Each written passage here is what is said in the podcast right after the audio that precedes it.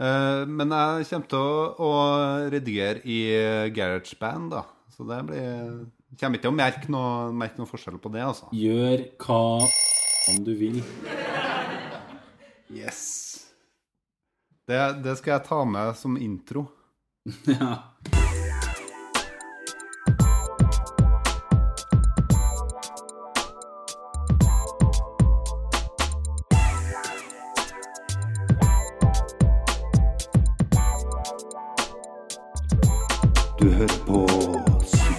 Psykologlunsj, en populærvitenskapelig podkast med psykologene Tommy, Jonas og Jan Ole.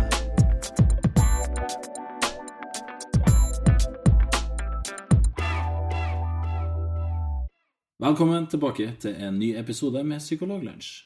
Mitt navn er Tommy Mangerud. Og med meg i dag har jeg Jan Ole Eseberg og Jonas Våg, som alltid. Ah, var ikke det flott? ja, det, var, det er bra. Det var koselig, da. Ja, jeg syns det var ganske bra. Um, gutta, har dere det bra? Ja. Vi Ja? har det kjempe. Vi har det fint. Har du glemt av hva du skal si nå? For, ja. eh, for apropos OL Nei! Jo, så, Nei. så har vi jo faktisk eh, sølvbryllup eh, i dag, gutta. Vi er på episode nummer 25. ja. Ah, Og det, så, så vi får satse på gull, at vi, at vi dobler, dobler episodetallet også i, i løpet av året. ja. Eller kanskje Det ikke i løpet av året, men i løpet av et par år. Ja. Ja. Veldig bra. Men eh, over på det vi skal snakke om i dag. Vi skal ta for oss eh, nok en gang noen, eh, noen eh, eller de av Psykologlunsj eh, medlemmer som har vist nesa si i litt i media og sånn. Men før det så tror jeg unge Hessenberg har en ting han hadde lyst til å dele med oss. Hadde du ikke det, Jan Ole? Jeg har kanskje det. Det har seg sånn at i helgen så ble jeg, ble jeg en prisvinner. Ble du det? Ja, jeg, eh, jeg fikk en pris. Jeg ble prisvinner. Og Den prisen, den heter Årets folkeopplyser. Oh. Oi. Ja, og det deles ut av foreningen Skepsis. Eh, og det satte jeg jo veldig pris på, men det var ikke egentlig det jeg hadde tenkt å fortelle. Da. Jeg tenkte at jeg, da kunne jeg benytte muligheten til å fortelle folk hvor urettf urettferdig verden egentlig er. Ja. For det har seg jo sånn at eh, det var jo Jeg fikk den prisen sammen med Andreas Wahl, barnehageonkel, barne-TV-onkel. eh, Andreas Wahl. eh, Som også var programleder i Folkeopplysningen. Og så har det seg jo sånn at eh, vi gjorde jo selvfølgelig vårt arbeid i den serien, men det var jo noen som landet vesentlig flere timer i den serien enn det vi gjorde. Eh, når et eh, TV-program skal lages, så er, må det være en produsent der som har litt sånn kontroll og styring med det meste. Så må det være en redaktør, og det må være noen manusforfattere. Det skal være noen som klipper denne serien. Det er en veldig viktig jobb. Det skal være en regissør, noen kamerafolk, noen lydfolk, noen produksjonsassistenter, noen produksjonsansvarlige. Eh, Og alle disse menneskene her har lagt ned mange timer i eh, denne serien. Flere enn det Andreas og jeg la ned. Så jeg tenkte å benytte den muligheten til å si det, i alle fall. Eh, på denne festen, da, et, festen etter denne prisutdelingen, så eh, var det, hadde det seg sånn at eh, det var noen som kom bort til meg og sa Det var flere, faktisk. Det var ganske overraskende. Som sa Jeg hører er fast lytter av Psykologlunsj. Yes. Så bra. Og det var, det, var, det var flere som også sa Vet du hva? Jeg hørte til og med på alle de episodene dere hadde om de politiske partiene. Oi, oi. Oi, Og du var ja. ikke gift med noen av de? Jeg var ikke gift med noen av de. Eh, Nei. Hun jeg er gift med, var ikke der engang. Eller Nei. de jeg er gift med, var ikke der. Og så var det en som sa Du får hilse til han trønderen og si at han høres veldig koselig ut. Ja. Det er Jonas, det, da. Nei, det vet jeg ikke. Men og så prøvde jeg å poengtere at det er jo to trøndere der, da. Ja. Er Hvilken av de? Og da var hun dypt sjokkert, for hun trodde at det bare var én trønder. Så det betyr at dere to ses på som én person. Ja, men det, det er jo rett og rimelig. Vi er jo ganske like han Tommy, egentlig. Vil jeg jo si. Men eh, trodde, trodde vedkommende at det var to personer totalt i Psykologlunsj, eller var det at eh, det var eh, Jan Ole Eseberg, én trønder og en bindaling? Nei, det, vet jeg- det, det er et godt spørsmål. Jeg, så mye eh, spurte jeg ikke. Nei. Men det var hyggelig å høre, iallfall. Ja. Hun studerte, hun studerte helseledelse. Oi. Så hvis du hører på nå, så kan du jo, kan du jo betegne dette som en slags hilsen tilbake. Men jeg, nå husker jeg ikke navn, da. Så det, Nei, det er no- er ikke noe tvil hvem trønderen er. Hvem den hyggelige trønderen er? Ja, Nei, det, er hvem, noe, det er en viss fare for at det var Jonas, altså. Det Spørs. ja, ja. Nei, men det var, det var artig. Det var årets folkeopplyser. Det må jo være Det er jo virkelig et, eh, en stjerne i mangel i margen, det, Jan Ole. Jeg stiller meg fullstendig bak det, det er jeg helt enig i. Ja, Det er enig, mange ja. fornuftige folk i skepsis, og det er utvilsomt noe som jeg har satt veldig stor pris på. Da er det et passende tidspunkt for å gå over til neste sak. Jonas Våg, du har eh, skrevet en liten sak om eh, bussen og det å kjøre buss, som havna på psykologisk.no her i helga. Fortell oss litt om det. Jo, jeg, jeg er jo eh, Bussen har jo hele tida fascinert meg, egentlig. Fra bussen på Steinkjer, der jeg vokste opp, het for Buster. Den var gul. Eh, og så var det bilde av en, eh, av en sånn fin figur på framsida. Og hver gang jeg så den Buster, så tenkte jeg på den lille gutten som het Booster, eller hva han het. Ja, i hvert fall. Han Boost, da. Han som, eh, Men- han men som kikker på som stjernene. baller. Ja. Og så var det masse sånn pingpongballer som kom ut av munnen hennes. Ja. Og det var Det voldsomt ping mange pingpongballer. Ja, jeg, tror jeg, tror jeg hadde er mareritt om det der. Altså. Det er jo ikke noe spennende hvis det bare kommer ut én. Nei, det er ikke Og Han var jo, han var jo tryllekunstner, så det var jo, hadde jo vært kjipt hvis det ikke var mange. Og den, Men ja. den serien der gikk jo på samme tid som Redda Joppe. Så de, de toene der, Buster og, og Redda Joppe, var jo dem, dem må vi legge ut noen klipp om. Som på og Lars. på søppelfyllinga, det husker alle. Åh, det var forferdelig episode. Det var Altså. dramatiske greier, altså. Og så- PTSD. Og Gulasj. Det var den Ja. norske varianten. da. Du hadde oppe, og så hadde Ikke det? Jo, Gula, jo, jo. Gulasj, ja. også. Gulasj. Og, og Gulasj. Dollars, som var hans amerikanske fetter. Og Indigo, Indigo som levde nede i søppelbøtta.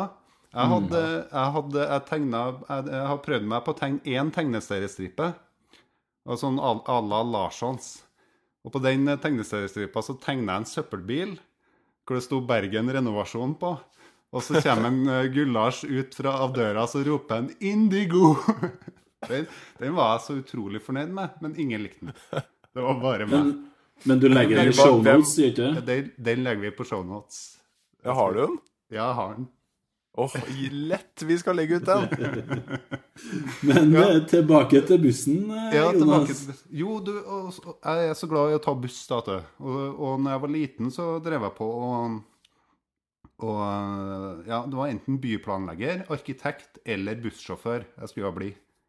Mm. Fordi det å være bussjåfør, det å frakte folk fra A til B, det var helt fantastisk. Og så tenkte jeg bare kjør på samme ruta hele tida, ta opp folk, snakk med dem jovialt om, eh, om hendelser i livet deres. Samtidig som du frakter dem til et sted, og, og, og de blir fornøyd med turen. Da, da tenkte jeg at det var et enkelt, forutsigbart yrke eh, hvor man faktisk gjorde noe for menneskers eh, liv. Du var en uvanlig unge, Jonas. Nei, Det er det ikke noe tvil om. Og, og, og jeg er vel kanskje litt sånn eh, som busspassasjer også, for jeg, jeg har bestandig vært fascinert eh, Jeg passer på å hilse ekstra godt på bussjåførene når jeg går på bussen, og så sier jeg gjerne 'ha det bra' til bussjåføren. da. Ofte jeg får noe grynt tilbake, men, eh, men jeg prøver meg i hvert fall på å være hyggelig og grei. Og der, Derfor tenkte jeg at jeg skulle skrive en, en hyllest til bussturen. Ja. Så, for det, det er en opplevelse, det. Fra, helt fra du stiller deg på bussholdeplassen til du går på bussen, til du går av bussen. Eh, Det er en, det er en sånn trepakke, en fantastisk eh, opplevelse, egentlig. Eh, og for, for en tid tilbake, for et par år siden, så lastet jeg ned en såkalt en sånn sanntidsapp.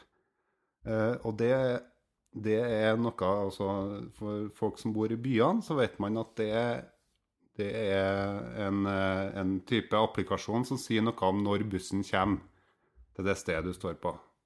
Ofte så har man sånn TV-skjermer hvor det står det er seks minutter til buss nummer 60 til Valentinlys kommer, f.eks. Mm.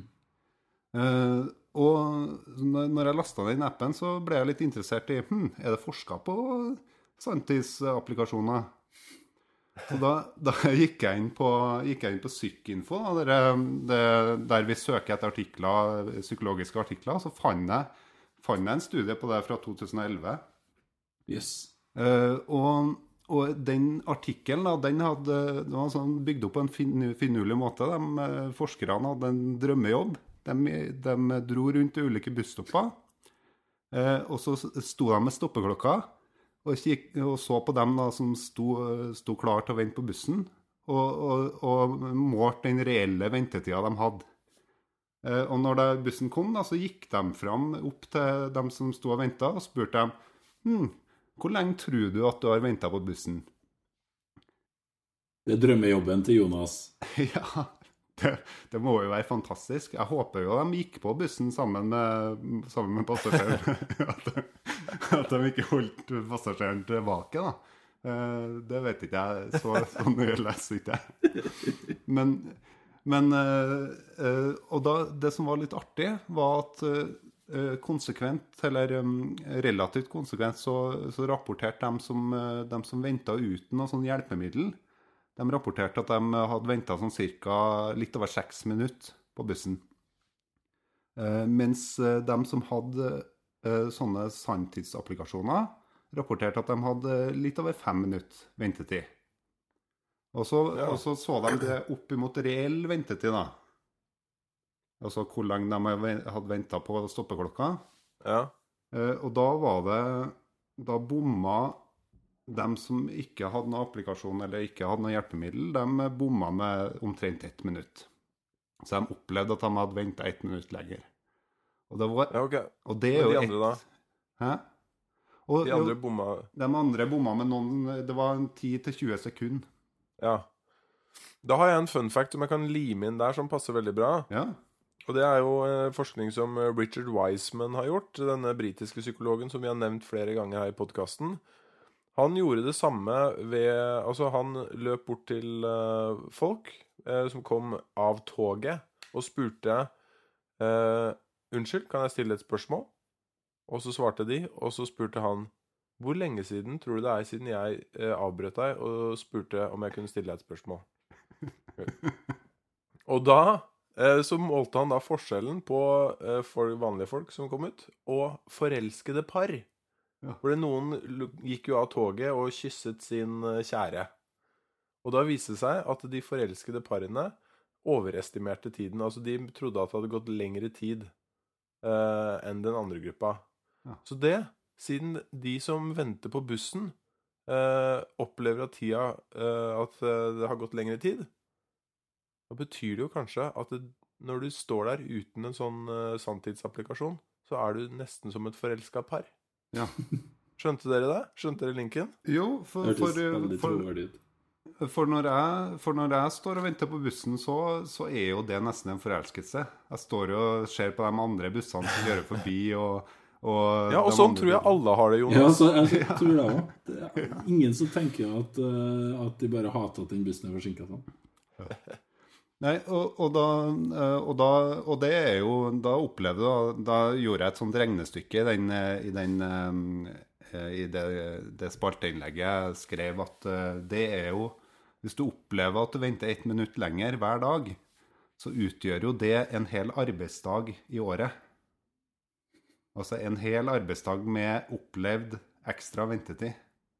Ja. Og du kan se positivt på, på det. Du får en dag ekstra, egentlig. ja. Sånn som du tenker? Ja, eller man kan se negativt på det. Det er én arbeidsdag du ikke får betalt for. og, det, og jeg tror ikke at du kan kreve refusjon for akkurat, eh, akkurat den dagen.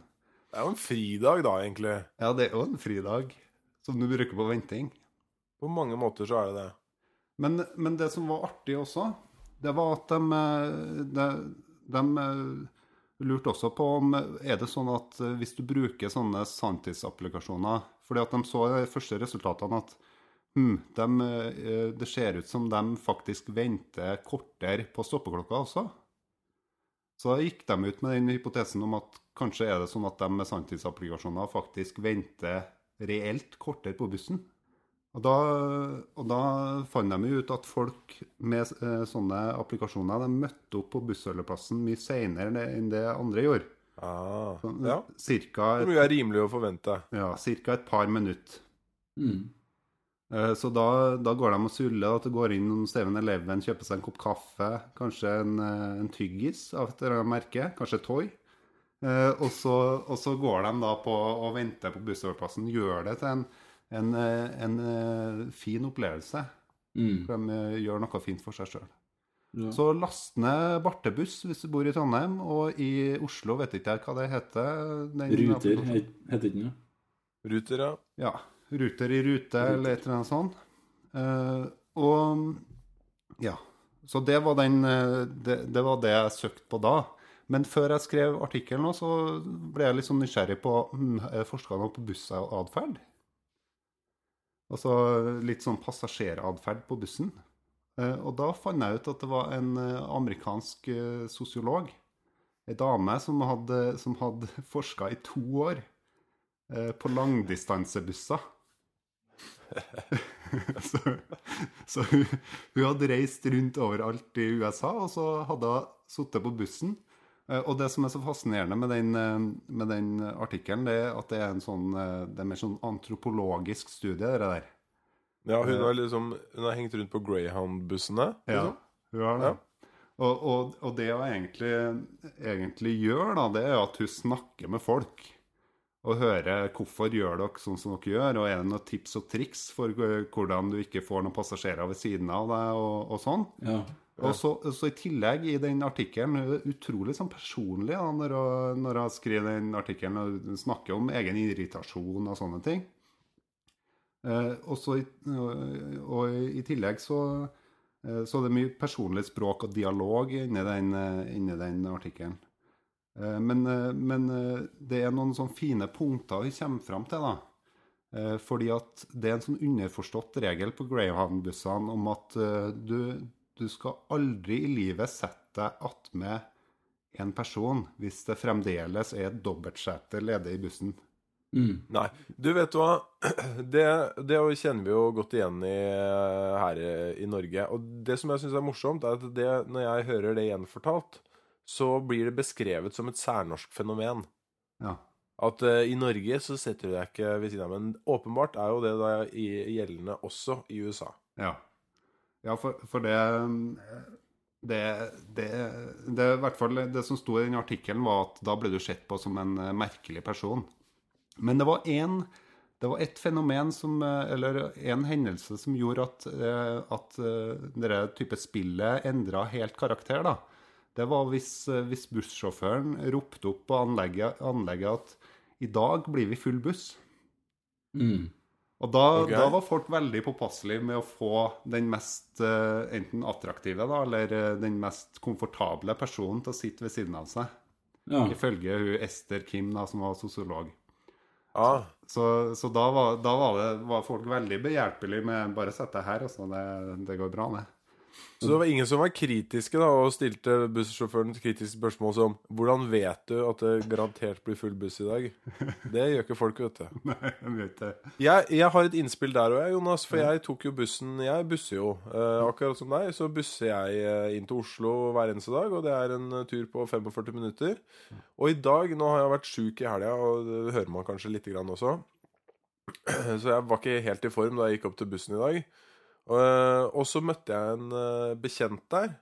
Mm. Eh, og, så, og så tenkte jeg litt sånn Å nei. Da må jeg sitte og prate hele den bussturen. Det er pes. Og i hvert fall når du er litt sjuk, da. Ja. Og så gikk vi på bussen sammen, og jeg tenker det er Jeg pleier å sitte ved siden av han når jeg møter han, og det er veldig hyggelige samtaler. Men akkurat i dag så følte jeg ikke for det. Og da er det jo, føles det jo veldig uhøflig å sette seg et annet sted. Når vi bare har hatt liksom positive erfaringer med å sitte på bussen sammen tidligere. Så jeg fant en, eh, til, ved en tilfeldighet en ny strategi. Altså Det man gjør, er at man da, da går man sammen med den personen nedover gangen. Han gikk ganske langt bak i bussen. Jeg fulgte etter han. Så satte han seg ned på en sånn ledig toseter. Og ved siden av han så var det også en ledig toseter. Ja. Og da satte jeg meg ned i den istedenfor å sette meg ned ved siden av han. Ja. Fordi da, da Det er en perfekt match. Da anerkjenner du Ja, du er en person jeg liker å oppholde meg i nærheten av. Mm. Check. Ja. Og nummer to Det er såpass med distanse at det ikke er noe galt i å dra fra mobiltelefonen sin, f.eks. Og være litt distansert.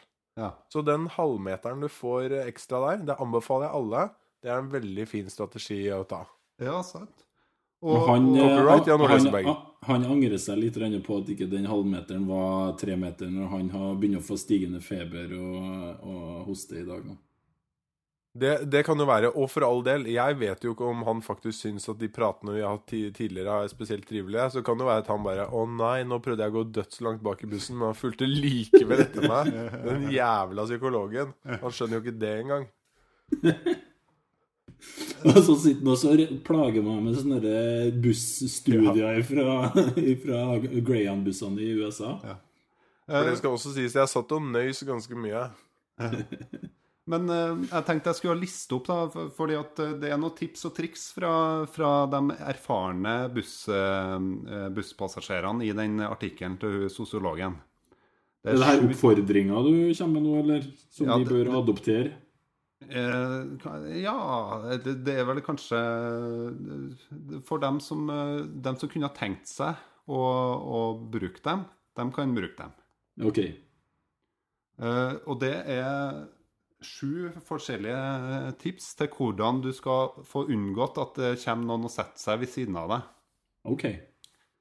Eh, det er å unngå øyekontakt. Punkt én.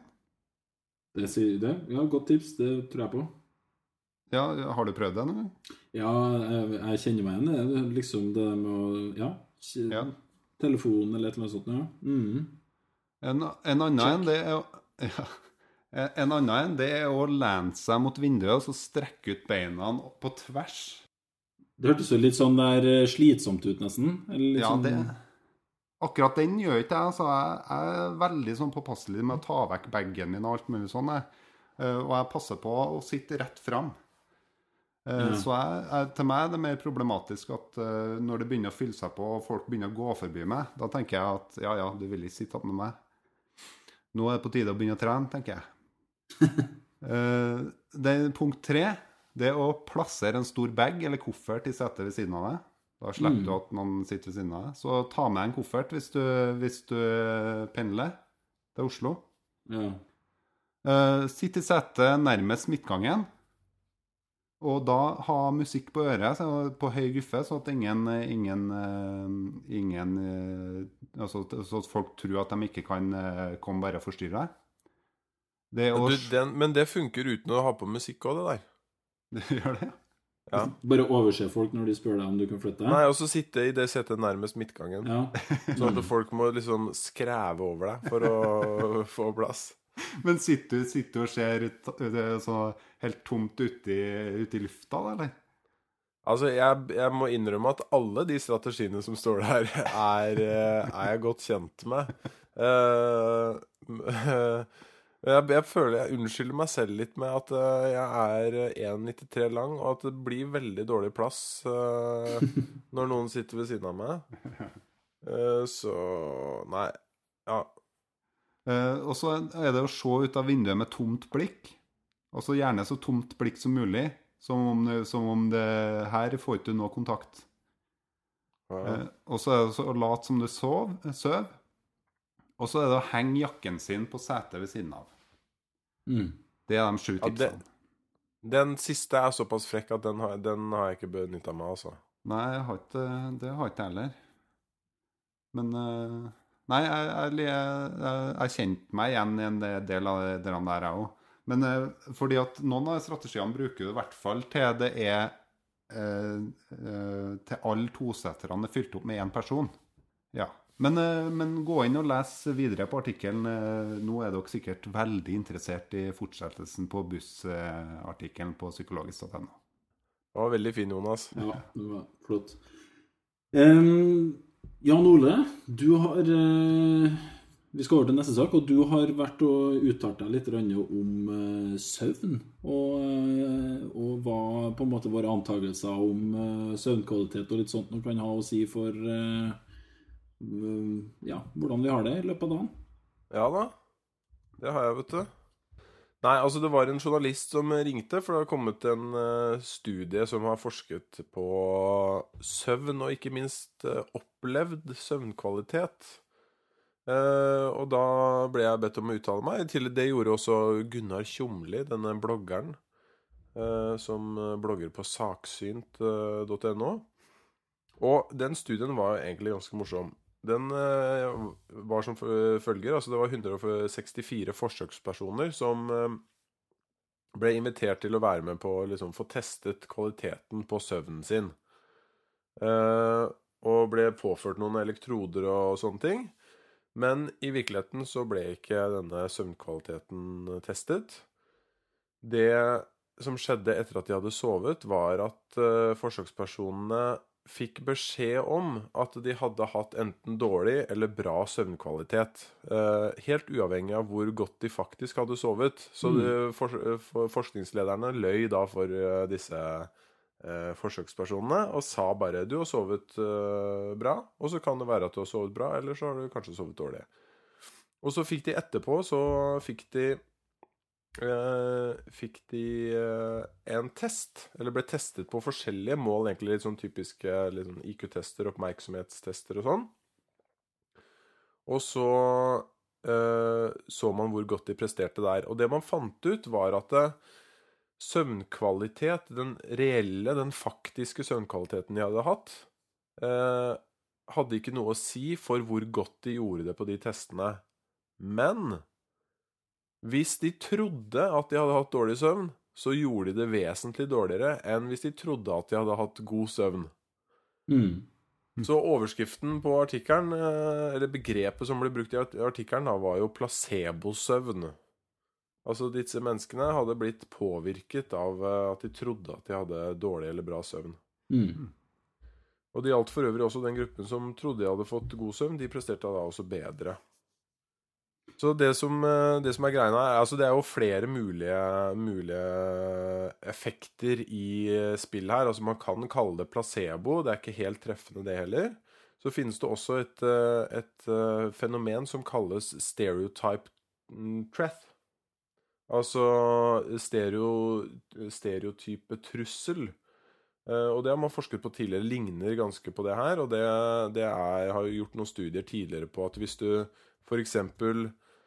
før en mattetest eh, ber folk om å krysse av på etnisitet i eh, USA, så gjør asiater det vesentlig bedre enn eh, f.eks. Eh, eh, afroamerikanere og eh, hvite amerikanere. Eh, Men hvis du ikke ber dem om å krysse av for det, så er det ikke noe særlig forskjell på, på gruppene. Hmm. Sånn at det, det at du blir minnet på at du tilhører en gruppe, som f.eks. asiater, som eh, har, er, hvor stereotypen er at de er ekstra gode i matte Det at du blir minnet på det ved å krysse av før en sånn test, det har da gjort at du presterer bedre på den testen. Og det samme har man også sett med, når man må krysse av for kjønn, f.eks. Eh, At kvinner gjør det dårligere på en del eh, tester da, når de blir minnet på at de er kvinner rett før de skal ta testen. Mm. Og så I tillegg så handler jo den, her, eh, den eh, studien her litt grann om eh, det som kalles tilgjengelighetsheuristikken. Dere husker den, eller? Jo, jo Nei. Forklar den du, Jan Ole. Ja, jeg skal for, det, eh, forklare. En, en heuristikk er jo en slags tommelfingerregel. eh, og det er jo sånn at hjernen vår er ikke sånn veldig rasjonell av seg. Istedenfor så bruker den litt sånn tommelfingerregler for å gjøre vurderinger som er sånn passe gode, men som eh, ikke alltid treffer. Eh, Men denne tilgjengelighetsheuristikken sier noe om at eh, man, vi bruker tilgjengelig informasjon mye mer enn vi bruker informasjon som ikke er så lett tilgjengelig for oss. Så det, hvis vi, hvis vi blir minnet da på eh, søvn f.eks. rett før, så jo, tenker vi jo mye mer på søvn når vi skal ta den testen. Mm. Og i tillegg så hadde de da også blitt vist en video rett før de skulle ta de testene her, om hvor viktig søvn var for prestasjon på sånne ting. Ja. Så, så det her er flere psykologiske effekter i spill her. Men jeg syns jo artikkelen var ganske uh, fin, og den føyer seg inn i rekken av at eh, Rekken av flere studier som viser at uh, når vi møter en situasjon som det er knyttet spesifikke forventninger til, så har vi en veldig klar tendens til å oppfylle akkurat de forventningene.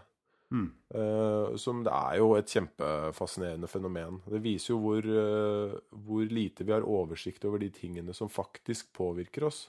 For Mm. dette her er jo noe de uh, Så søvnen deres hadde jo allerede tilbakelagt, men det at de ble fortalt det, at de hadde dårlig søvn, det gjorde at de presterte dårligere, selv om de ikke nødvendigvis hadde det. Så det er mm. veldig fascinerende fenomen. Mm.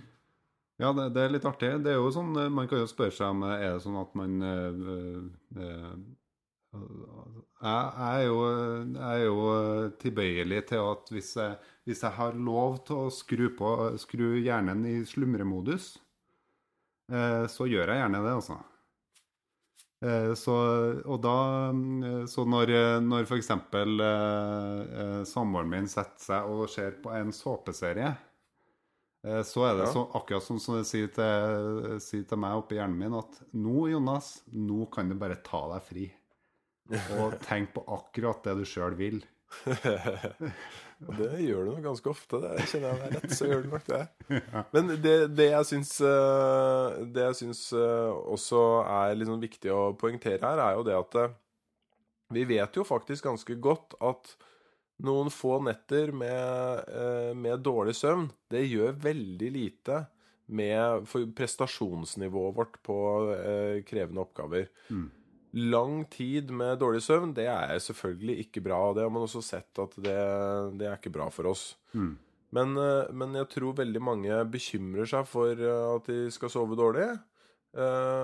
Og det, det verste, det aller verste, er jo at man da også begynner å bekymre seg for at man bekymrer seg for å sove dårlig. Mm. Det blir sånn lag på lag med bekymringer, og så sover man dårlig. Og da kan det jo være greit å vite det, at uh, akkurat i hvert fall når det er snakk om kortvarig dårlig søvn, så er det all in your head, da.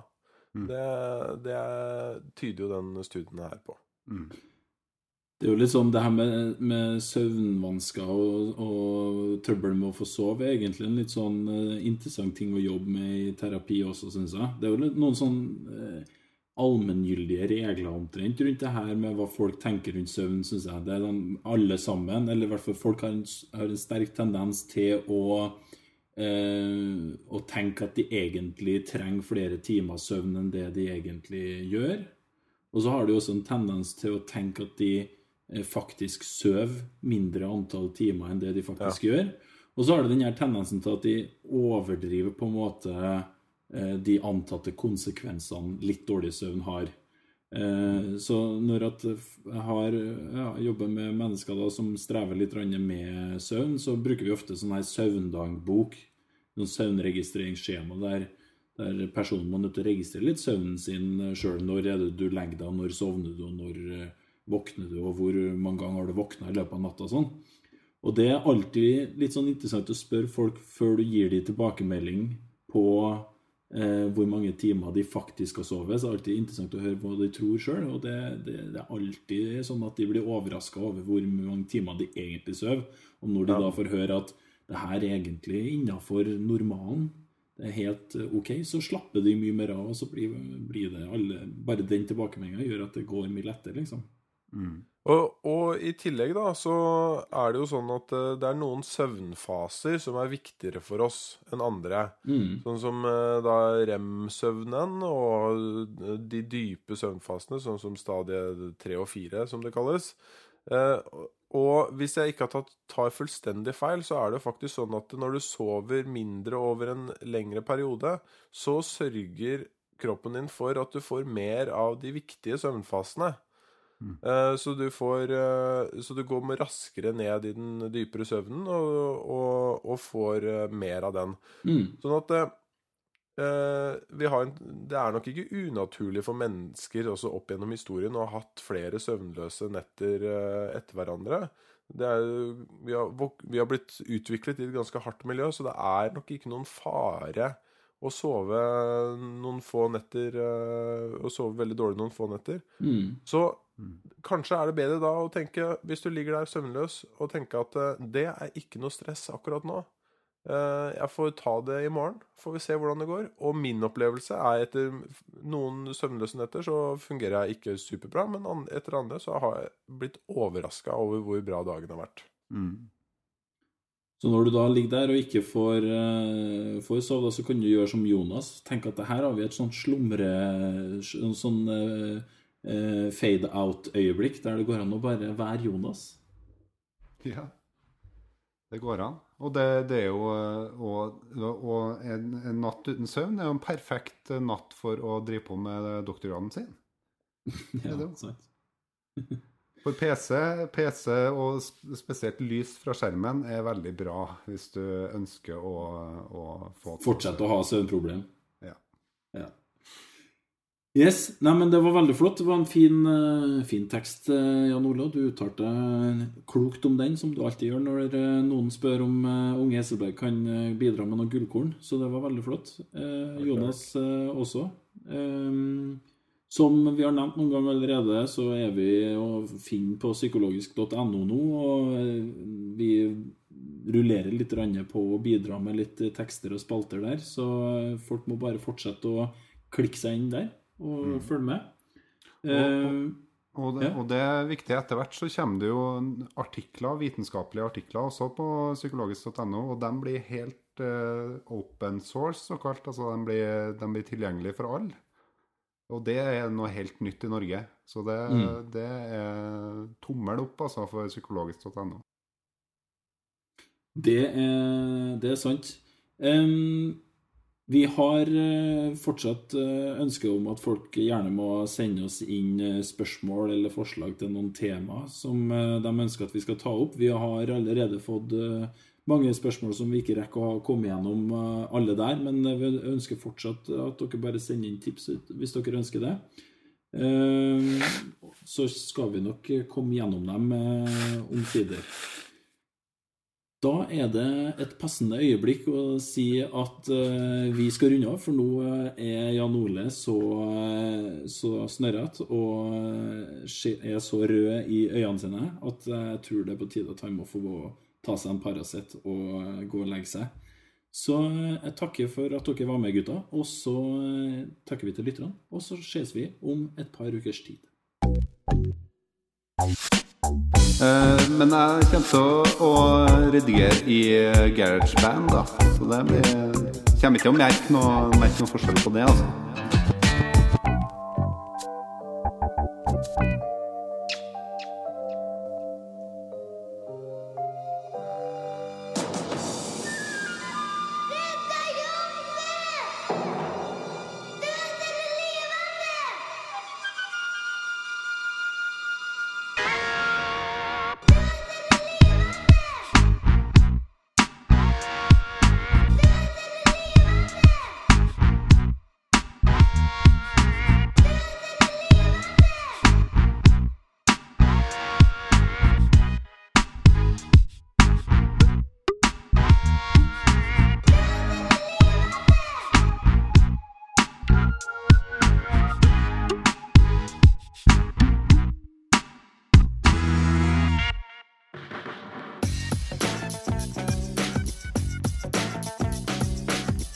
Har nå lytta til Psykologlunsj. Har du noen spørsmål, kan du søke opp Psykologlunsj på Twitter, eller du kan sende en e-post til psykologlunsj alfakrøll.gmail.com. Mer informasjon om temaet du har hørt i dag, finner du på psykologibloggen.no og tankesmed.no.